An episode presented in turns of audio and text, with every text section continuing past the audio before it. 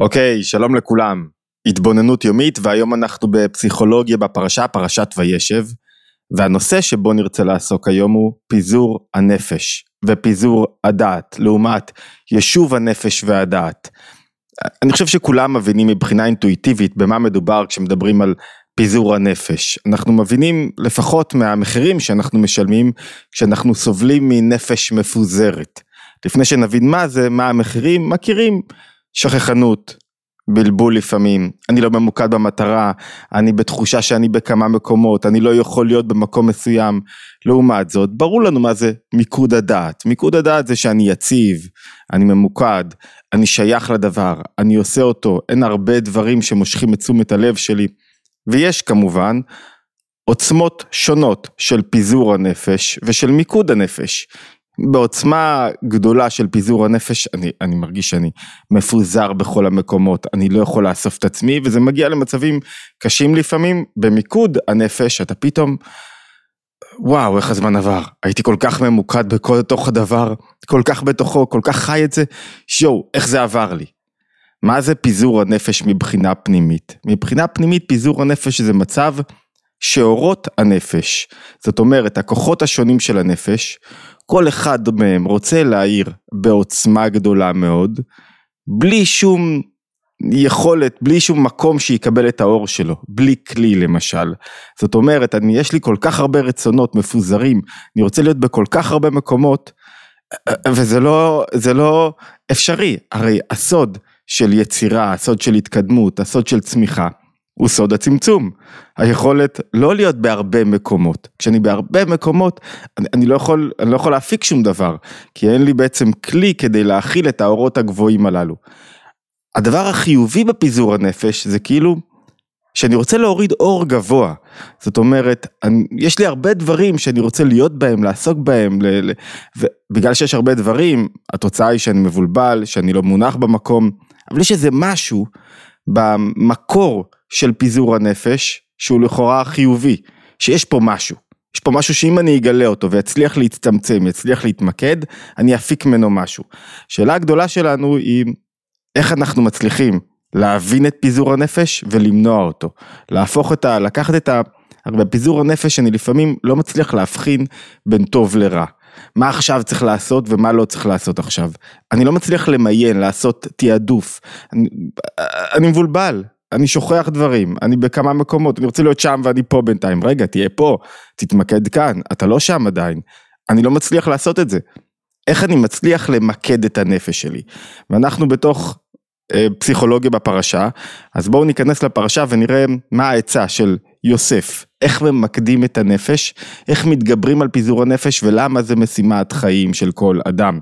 יש משהו מובנה וטבעי בתוך פיזור הנפש, ויש משהו מתוקן. כל דרכי התיקון דורשים עבודה מסוימת. יש משהו מתוקן, נכון, בתוך מיקוד הנפש. בואו נתחיל. סליחה.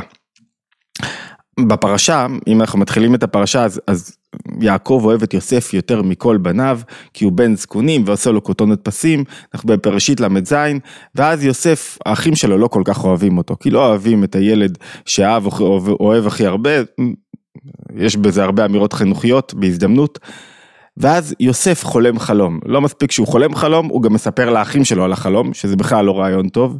שני חלומות, בסך הכל יש בתורה עשרה חלומות, כולם בספר בראשית, תשעה מהם בפרשות שקורים במהלך חודש כסלו, לכן הוא נקרא גם חודש החלומות, שני חלומות של יוסף. מה הם שני החלומות? כולם מכירים, הנה אנחנו מעלמים עלומים בתוך השדה, הוא מספר לאחים שלו.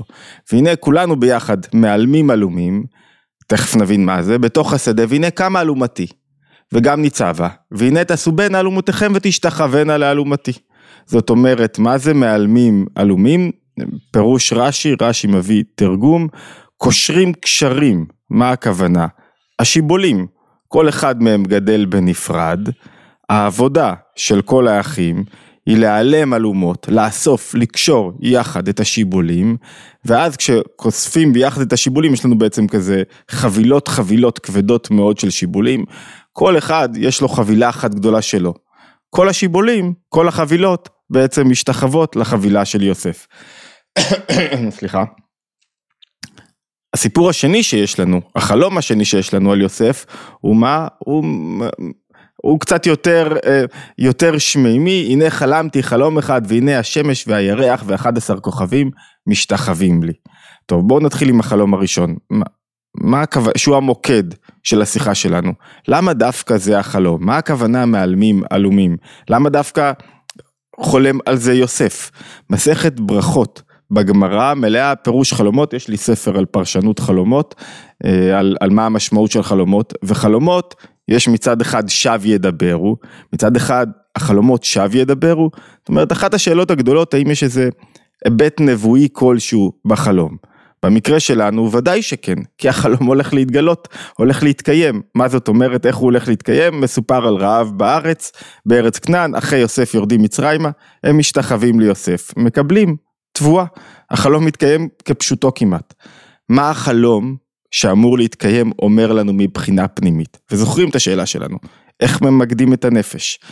כאן אני רוצה להכניס אתכם לתורה מעניינת של אדמו"ר הזקן, שמופיעה בתורה אור, ובו הוא מסביר רגע, מה זה מעלמים עלומים? הוא אומר ככה, בשבירת הכלים, כשהבורא רצה לברוא את העולם, בבריאה הראשונה שלו הוא האיר אור חזק גדול מאוד, שהוא עניין שבירת הכלים. מה זאת אומרת? אפשר להבין את זה על ידי הנפש, בדיוק כמו פיזור הדת. יש לי לפעמים אור גדול, או סדרה של אורות גדולים, שמאירים בעוצמה גדולה. כל אחד רוצה להאיר במקום שלו. אין לי כלים לשאת את האורות הללו. מה זאת אומרת? אני רוצה זה, תחשבו על ילד שהוא רוצה לשחק במשחק הזה, והוא רוצה לאכול, והוא רוצה לישון, זה כמו להגיע למלון חדש שרק שילמתי עליו ואני רוצה לעשות הכל בבת אחת ואני לא מצליח ליהנות משום דבר כי אני לא ממוקד בשום דבר, זה כמו להגיע לעבודה ויש לי מיליון משימות ואני בסוף יושב ולא עושה שום דבר. זאת אומרת יש אור חזק שרוצה להעיר, לא מוצא את הדרכים להעיר, ומזה, מסביר אדמו"ר הזקן, מזה שהעיר אור חדה, חזק, נתאבו עולמות נפרדים. זאת אומרת, השיבולים הנפרדים מדברים, מלמדים אותנו על הפירוד הקיים בתוך העולם הזה.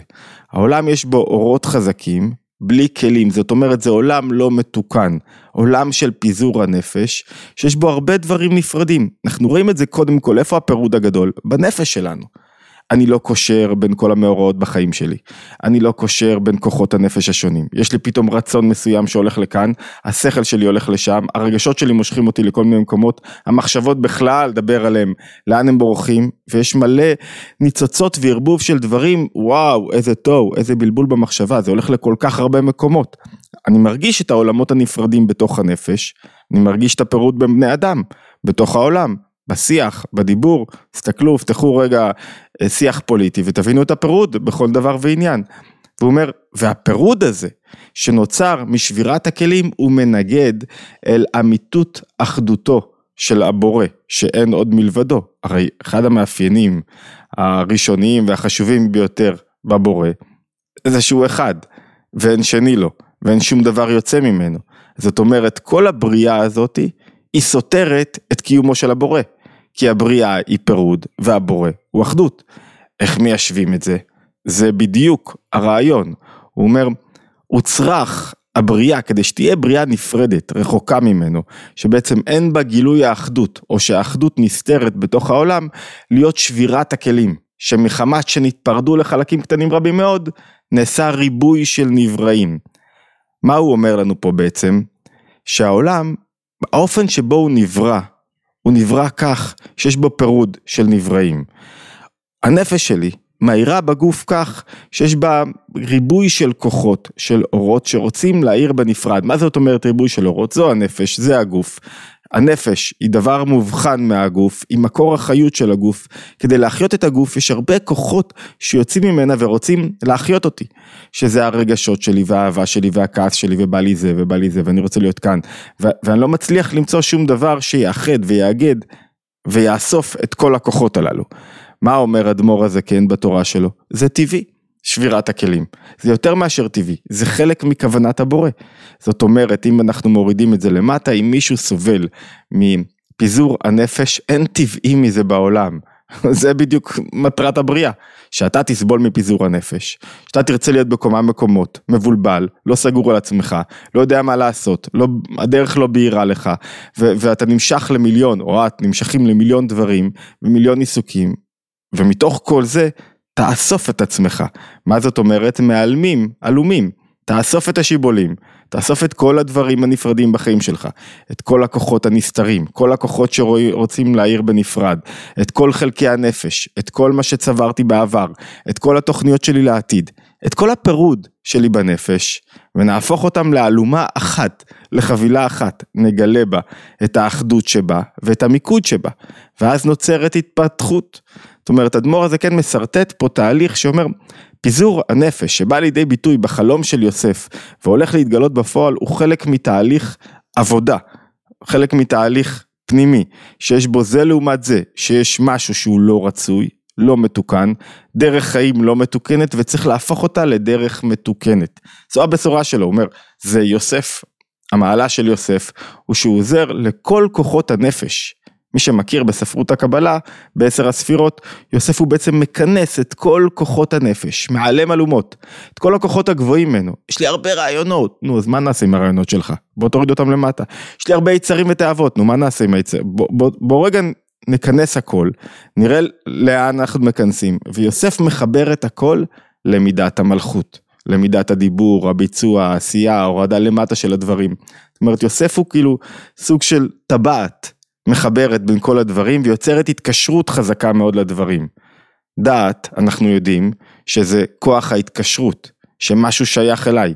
כשאני סובל מפיזור הנפש, אני לא קשור לשום דבר באמת, בגלל שאני קשור להרבה דברים. אני פתאום רואה משהו במחשב, זה מושך את העין שלי, עכשיו אני שעה על זה, אחרי זה אני ברחתי לשם, ואחרי זה ברחתי לשם, ואחרי זה ברחתי לשם, כל דבר מעיף אותי לכל מקום. אי אפשר ככה. אי אפשר בלי לסגור חלונות, בלי שכשכל דבר מעיף אותי לכל מקום. אני מזכיר לכם, באחד השיעורים שהעברנו על אה, אה, קשב וריכוז, כדי להתמקד, אני חייב לסגור חלונות, אני לא יכול להיות, לאפשר לעצמי שכולם יתקשרו אליי כל הזמן, שאני אענה לכולם, אני לא יכול, אתה חייב להתמקד במה שאתה עושה. זה נכון גם לגבי מצב כלכלי, תחליט מה אתה עושה. אם אני עושה הרבה דברים, בסוף אני לא, לא יכול להיות טוב בשום דבר, אני לא יכול להתמקד בשום דבר. מסעדה שמגישה את כל מיני המזון האפשריים, כנראה שכל מה שהיא מגישה הוא כזה בינוני ומטה. למה? כי אין את סוד המיקוד. אבל זה טבעי שאני רוצה לעשות הרבה דברים, ולהשביע את רצון כולם, ולגלות הרבה אורות בנפש. מה עושים? איך ממקדים את הנפש? זה בדיוק המשימה של יוסף, וזה מה שהוא מגלה לנו. אה, בואו נתחיל, אפשר לגלות את סוד המיקוד, סוד המעבר מפיזור הנפש למיקוד הנפש, דרך ההשוואה בין חלומות יוסף לחלומות פרעה. התורה מדברת בזה לעומת זה עשה אלוקים. חלומות פרעה מגלים דווקא את איך אני לא מצליח לפזר את הנפש, איך אני הולך להבטיח לעצמי, סליחה, איך אני לא מצליח לאחד את הנפש, איך אני הולך להבטיח לעצמי? פיזור הנפש, חוסר מיקוד וכאילו משהו שהוא מתנגד כל הזמן לצמיחה, לגדילה, להצלחה. אני מזכיר לכם, כמובן כולם מכירים, מה הם שני חלומות פרעה, חלום אחד זה שהוא, חלומות שהוא חולם ככה בעלמא, חלום אחד שבע פרות יפות, שמנות, יוצאות מן היאור, אחריהן יוצאות שבע פרות רזות, מכוערות, שאוכלות את הפרות השמנות. אני זוכר בשנים קודמות העברנו כמה שיעורים על החלומות הללו. והחלום השני שלו, כיצד שבע שיבולים מלאות, יפות, צמחות, ואחריהן מופיעות שבע שיבולים צנומות ושדופות שבולעות אותם. טוב, מה סדר העבודה במיקוד הדעת? נתחיל מהסוף. כל האלומות משתחוות לאלומת יוסף, כל האלומות של האחים. מה זאת אומרת האלומות של האחים? הדבר הראשון שאני צריך לשאול את עצמי, מה זה ה-North Star Metrics שלי? מה כוכב הצפון שלי? למה אני משתחווה? במובן, מה השליחות שלי? מה הרצון הגבוה שלי? מה אני רוצה? עסקנו כמה פעמים ברצון פנימי ורצון חיצוני. מה באמת אני רוצה? למה אני מוכן לבטל את עצמי? מה, מה, מה העניין?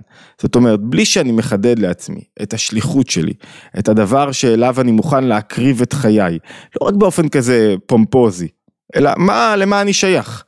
מישהו הציע לי אתמול, בוא תשתתף באיזה, באיזה אה, חברת הייטק, בוא ת...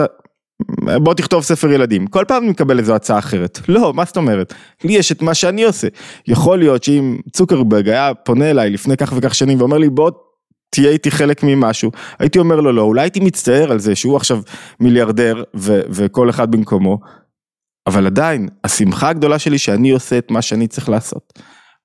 הצער הוא חיצוני, כי הצער הוא רק על כסף, לא על שליחות החיים. זאת אומרת, אתה חייב לשאול את עצמך למה אתה משתחווה.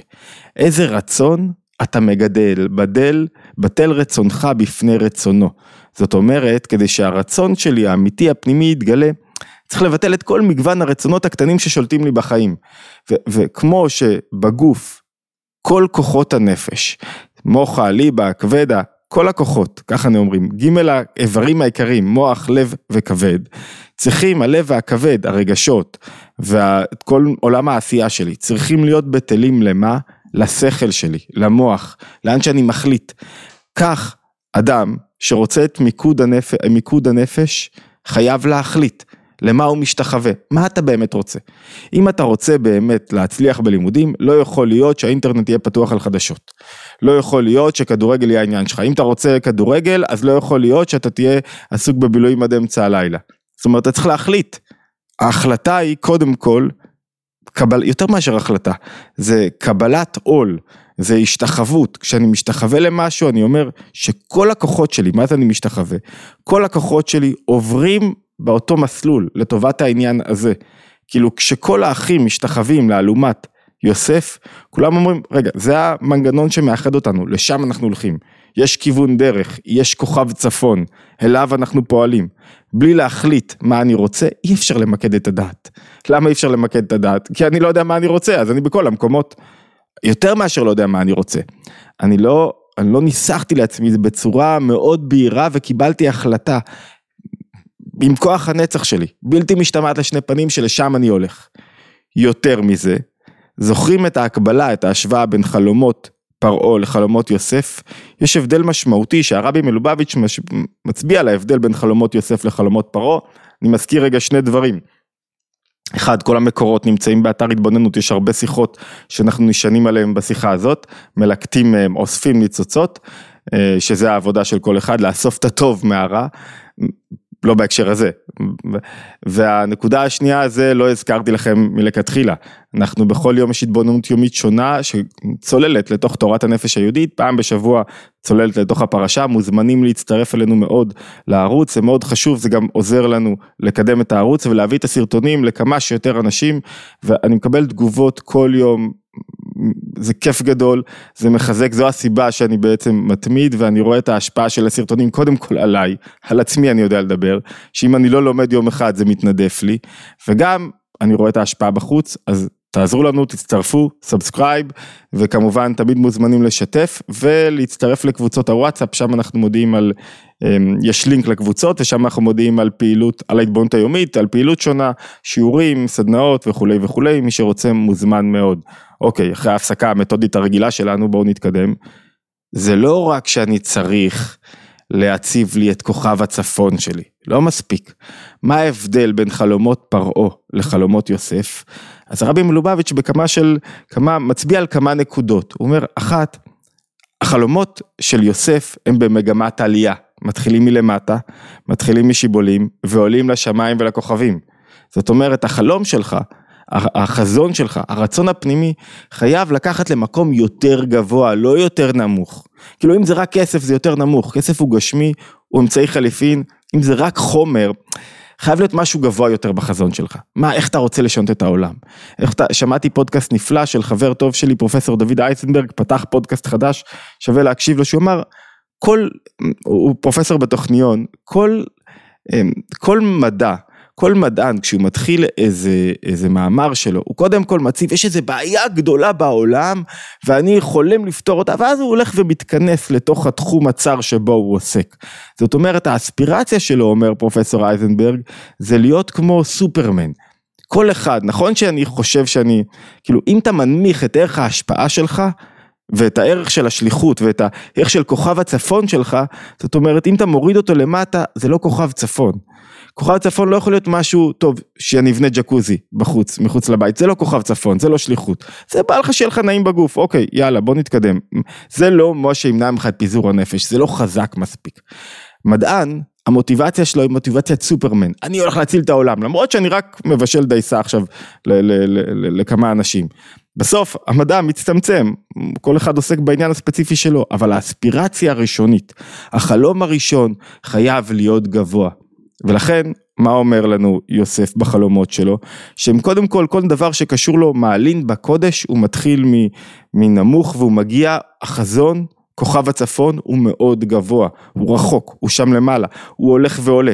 לעומת זאת, חלומות פרעה, אנחנו רואים, מתחילים משיבולים, נשארים קודם כל בארציות, פרות, ו, פרות ושיבולים, ולאחר מכן אנחנו רואים שהפרות בהתחלה שמנות, אחרי זה הולכות ונהיות רזות, כנ"ל לגבי השיבולים, שאחרי זה הן בהתחלה בריאות וטובות, ולאחר מכן הופכות להיות דקות ושדופות. זאת אומרת, המגמה היא בדיוק הפוכה. חלום לא נכון, השתחוות לא נכונה, כשאתה משתחווה לחומר, או לדברים שמורידים אותך למטה.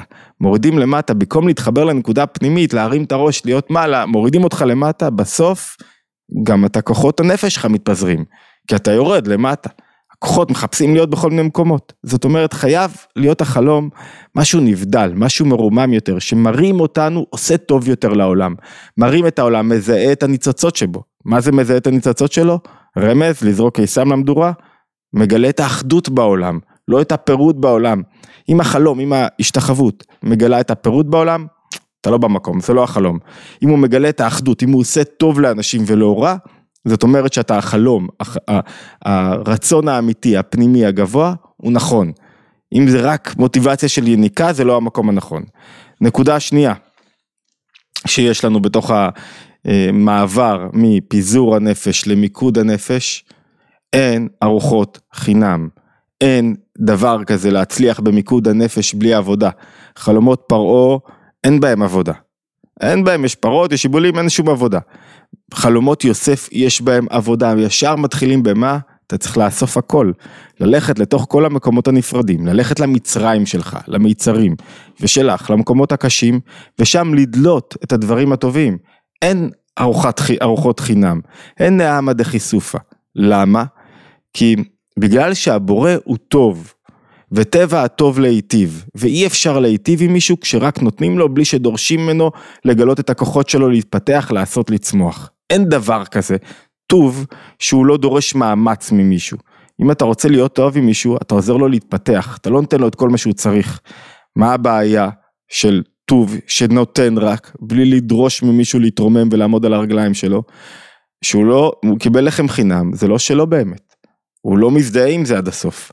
זאת אומרת, חייבים לעבוד. מה זה לעבוד? במה מתבטאת העבודה?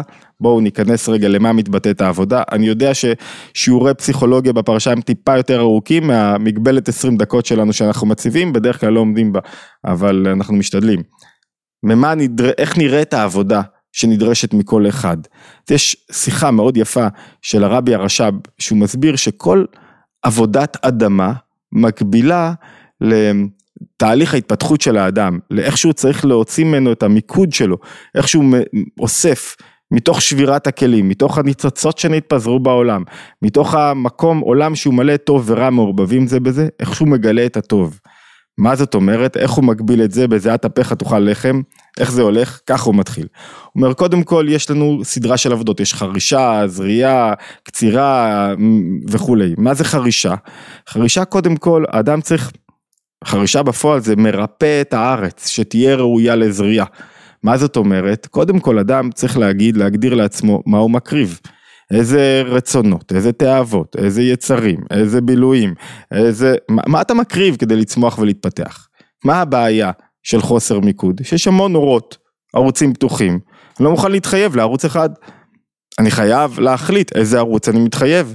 זאת אומרת, מה אני מוכן להקריב לפני שאני מחליט למה אני מתחייב, אני גם צריך להחליט גם, או במקביל, על מה אני מוותר. מה אני מוכן לשלם? על הקפה של הבוקר? אתה רוצה להיות בריא יותר? על איזה אוכל אתה מוותר? אתה רוצה להיות חזק יותר? על, על איזה שעות מנוחה אתה מוותר ויוצא לרוץ? מה אתה משלם? איפה אתה משלם מחיר?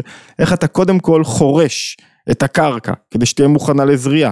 בלי זה אי אפשר להתמקד. אחרי שוויתרתי, אני צריך להיות מוכן לזריעה. מה זה זריעה? שאני לוקח גרעין מסוים, אני לוקח את ה... אני שואל, מה האיכות שלי? מה הדבר הטוב שאותו אני רוצה לפתח, ואיך אני מוכן להיות במצב של אני רוצה להשקיע בדבר הזה, ולא בהרבה דברים אחרים. מה הגרעין שאני זורע בארץ? מה, מה אני נותן? מה יש לי טוב? מה הנקודה החזקה אצלי? מה אני מעביר לעולם? צריך ללטש לעצמי את, הז, את הזרע שלי שהוא קטן, ואני רוצה שהוא יגדל. דבר נוסף, אחרי זה, אחרי שזרעתי, מתחיל שלב של ההתפתחות. תוך כדי הזריעה יש ריקבון בארץ. ריקבון זה התנועה של ביטול של האדם. אמרנו ביטול זה לא שאני עין ואפס, אלא ביטול שהעניין חשוב ולא אני חשוב. וכשמישהו מבטל את עצמו לעניין, כשמישהו מזיז את האגו שלו, כשמישהו חושב על האגו שלו ועל ההיררכיה בתוך העבודה, זה אף פעם לא ילך לו. תמיד הוא יסבול מרגשות לא רצויים, ותמיד הוא יהיה בתוך מקום מאוים. כשמישהו מבטל דווקא את הישות שלו, לטובת העניין עצמו, כאילו אתה שואל, מה העניין הזה צריך ממני עכשיו? יצמח משהו. וכשצומח משהו, צריך להיות קוצר ומהמר. מה זאת אומרת? להיות מסוגל להפריד בין כל הדברים שצמחו, ולבחור את הטוב מהרע, להפריד את הטוב מהרע, זה חלק מהעבודה שלנו. כאילו כשאני אוסף, מקבץ את השיבולים, אני בוחר את הדברים שהם ראויים למאכל, ומה שלא ראוי למאכל. לאחר מכן, מה המשך העבודה בנפש שלי, שאני יודע שאני בוחר בכל דבר מהו טוב ומהו רע. טוב קשור לחיבור, רע ניתוק, טוב קשור לחיבור שלי לדבר, אל השליחות שלי, אל מה שאני במיוחד עושה, אל העניין שבחרתי, אל כוכב הצפון, אל מה שאני משתחווה אליו, זה טוב, כל רע זה מה שמנתק אותי ממנו. לאחר מכן צריכה להיות תחינה של הגרגרים, מה זה תחינה? הוא מסביר הרבי הרש"ב שיש תנועה בנפש שצריכה להיות לי קצת מרירות לפעמים אם סטיתי מהדרך. כל פעם שאני בזבזתי איזה 3-4 שעות על כלום, על פייסבוק, צריך שיהיה לך איזה מרירות קצת. רגע, זה לא, כאילו אם אתה מקבל את עצמך כמו שאתה לגמרי, יש תנועה אחת בנפש שהיא חשובה לקבל את עצמי בלתי מותנה, דיברנו עליה עשרות פעמים. יש תנועה לא פחות חשובה, רגע אל תקבל את עצמך כמו שאתה, אל תשלים עם זה שאתה מבזבז זמן, אל תגיד אני ככה זה, רגע אני מוכן עכשיו לעשות איזה מהלך של מרירות, לא מתאים לי להיות כזה. בלי הלא מתאים לי להיות כזה, שזה מרירות שיש בה חיות. כי אתה רוצה להתפתח, זה לא הלקאה עצמית, אי אפשר להתחיל להפוך את, ה, את, ה, את החיטה ללחם. השלב הבא זה לישה. לישה והטפחה זה שאתה לוקח את מה שאתה עושה ואתה מחבר בו רגשות, אהבה ותשוקה למה שאתה עושה. זאת אומרת, אם גיליתי מה אני רוצה לעשות, יש לי פיזור דעת, כי יש לי הרבה אורות, הרבה רצונות, הרבה ערוצים, כולם מהירים בעוצמה. אם גיליתי מה אני רוצה לעשות, ואני מתמקד בו, ואני מנסח לעצמי מה אני מוכן לשלם, מה המחיר, מה ה... מה, איך אמרנו, רפיון בקרקע, מה החרישה שאני עושה, מה אני משלם מחיר כדי להתמקד בדבר הזה. ולאחר מכן, איך הדבר הזה מגלה את הכוחות שלי, הייחודיים לי. חייב להיות לא סתם קיבלתי כוחות ייחודיים, אני צריך לגלות אותם, מה הזריעה שלי בקרקע. ואחרי זה, איך אני, כשאני מצמיח דברים, איך אני בוחר מה נכון ומה טוב. זאת אומרת, מתוך מה שהתמקדתי, כל הזמן יהיו דברים שיקחו אותי לכל מיני מקומות. יש לי הרבה הצעות עבודה, לכל אחד יש מלא דברים. במה אתה מתמקד? וכשאתה במקום הזה, לאט לאט אתה רואה שהנפש שלך הולכת למקום מסוים. יש לזה רווחה נפשית נהדרת, ויש בזה מיצוי פוטנציאל, וגילוי כוחות, אבל יותר מזה, יש בזה תכלית חיים. ואז כשאתה מתאהב במה שאתה עושה, ומחבר את הרגשות עם מה שאני עושה, ולא עם מה שאני לא עושה, זאת אומרת, המסיבה היא לא במקום אחר, אני לא מתלהב מזה שאני מחסיר את המסיבה כרגע, אני שמח במקום שבו אני נמצא, אני מתמקד בו, אני חי אותו. ברגע שאני חי את זה, אני מתרגש ממה שאני עושה. אני חי באמת, וההתרגשות באמת ממה שאני עושה, זה, זה, זה הדרך היחידה להיות, לגלות את המקום שלי. כאילו, אם אתה לא מתרגש, אתה לא במקום שלך. אתמול הייתי באזכרה לרביב ורטוש, איש מקסים מאלקנה, ש, ש, בחור בכושר ואצן ועורך דין וכל כך מוכשר שאני מזכיר לכם שהוא כתב איזה ספר שירה שביקרתי לפני אני חושב ממש מעט שבועות בודדים לפני שהוא אה, נפטר הלך לישון בלילה לא קם בבוקר אב לארבעה ילדים אם אני לא טועה ואתמול הייתה אזכרה ודיברתי קצת באזכרה והמסקנה ש... דיברתי עם אשתו, המסקנה הייתה שכל אחד ממי שהשתתף באזכרה השנה ליום הסתלקותו, היא שאנחנו צריכים לחיות יותר. לא פחות. אם זה, עם אירוע כזה שקורה כאילו בלי סיבה, המסקנה היחידה שצריך למצות את הזמן. איך ממצים את הזמן? רק על ידי מיקוד הנפש, לא פיזור הנפש, פיזור הנפש לא מביא לידי, לידי מיצוי הזמן, אלא בדיוק ההפך. אני בכל המקומות ואז הרגשות שלי גם מתפזרים. אני מרגיש שאני לא ממוקד בשום דבר וזה אוכל אותי מבפנים. ורק כשאני ממקד את הנפש אני מצליח לחיות באמת. זו התורה של יוסף. יוסף כאילו, אדמו"ר הזקן בא מספר לנו שיש פה משהו מובנה בתוך המציאות ולכן אם עד עכשיו פיזרנו את הנפש, לא נורא. אם היינו במצב של פיזור הנפש, לא נורא. צריך ללמוד את רזי העבודה, כמו שהוא מסביר, שיש דרגות לרזי העבודה. והיא מתחילה במה אני מקריב, ומה כוכב הצפון שלי, ואיך אני מגלה אהבה ותשוקה למה שאני עושה, ואיך אני מגלה מרירות קצת, טיפה, לא הלקאה עצמית, אבל יחיאל, מה, איפה אתה? מה אתה? מה קורה איתך? אייכה. אייכה, אתה כבר בן 49, מה אתה מבזבז את הזמן שלך? איך אתה, כאילו, איפה? אם אתה רוצה לראות משהו, משהו חשוב לך, אתה צריך להקריב משהו, לפעמים גם כדורגל, אין מה לעשות. אם הזוגיות חשובה, לפעמים צריך להקריב משהו. כל אחד וההקרבה שלו, לא כולם מקריבים אותו דבר. מתוך ההקרבה מתגלה תענוג אדיר במה ששייך אליי, במה שאני עושה. ולכן חלק ממיקוד הנפש הוא חלק מבירור הניצוצות, יצירת האחדות בעולם, גילוי הטוב בעולם, חלק מהפיכת העולם למקום שאפשר לשכון בו. וחלק מה, מההצלחה של האדם עצמו היא חלק מהחזון, מהתכלית של הבורא בעצם בריאת העולם. מזכיר לכולם, התבוננות יומית, מאוד חשוב לנו, מוזמנים מאוד להצטרף לערוץ, subscribe, גם אם אתם בספוטיפיי או איפה שלא תמצאו, אה, תירשמו וכמובן מוזמנים להצטרף לקבוצות הוואטסאפ, להשתמע בהתבוננות היומית הבאה.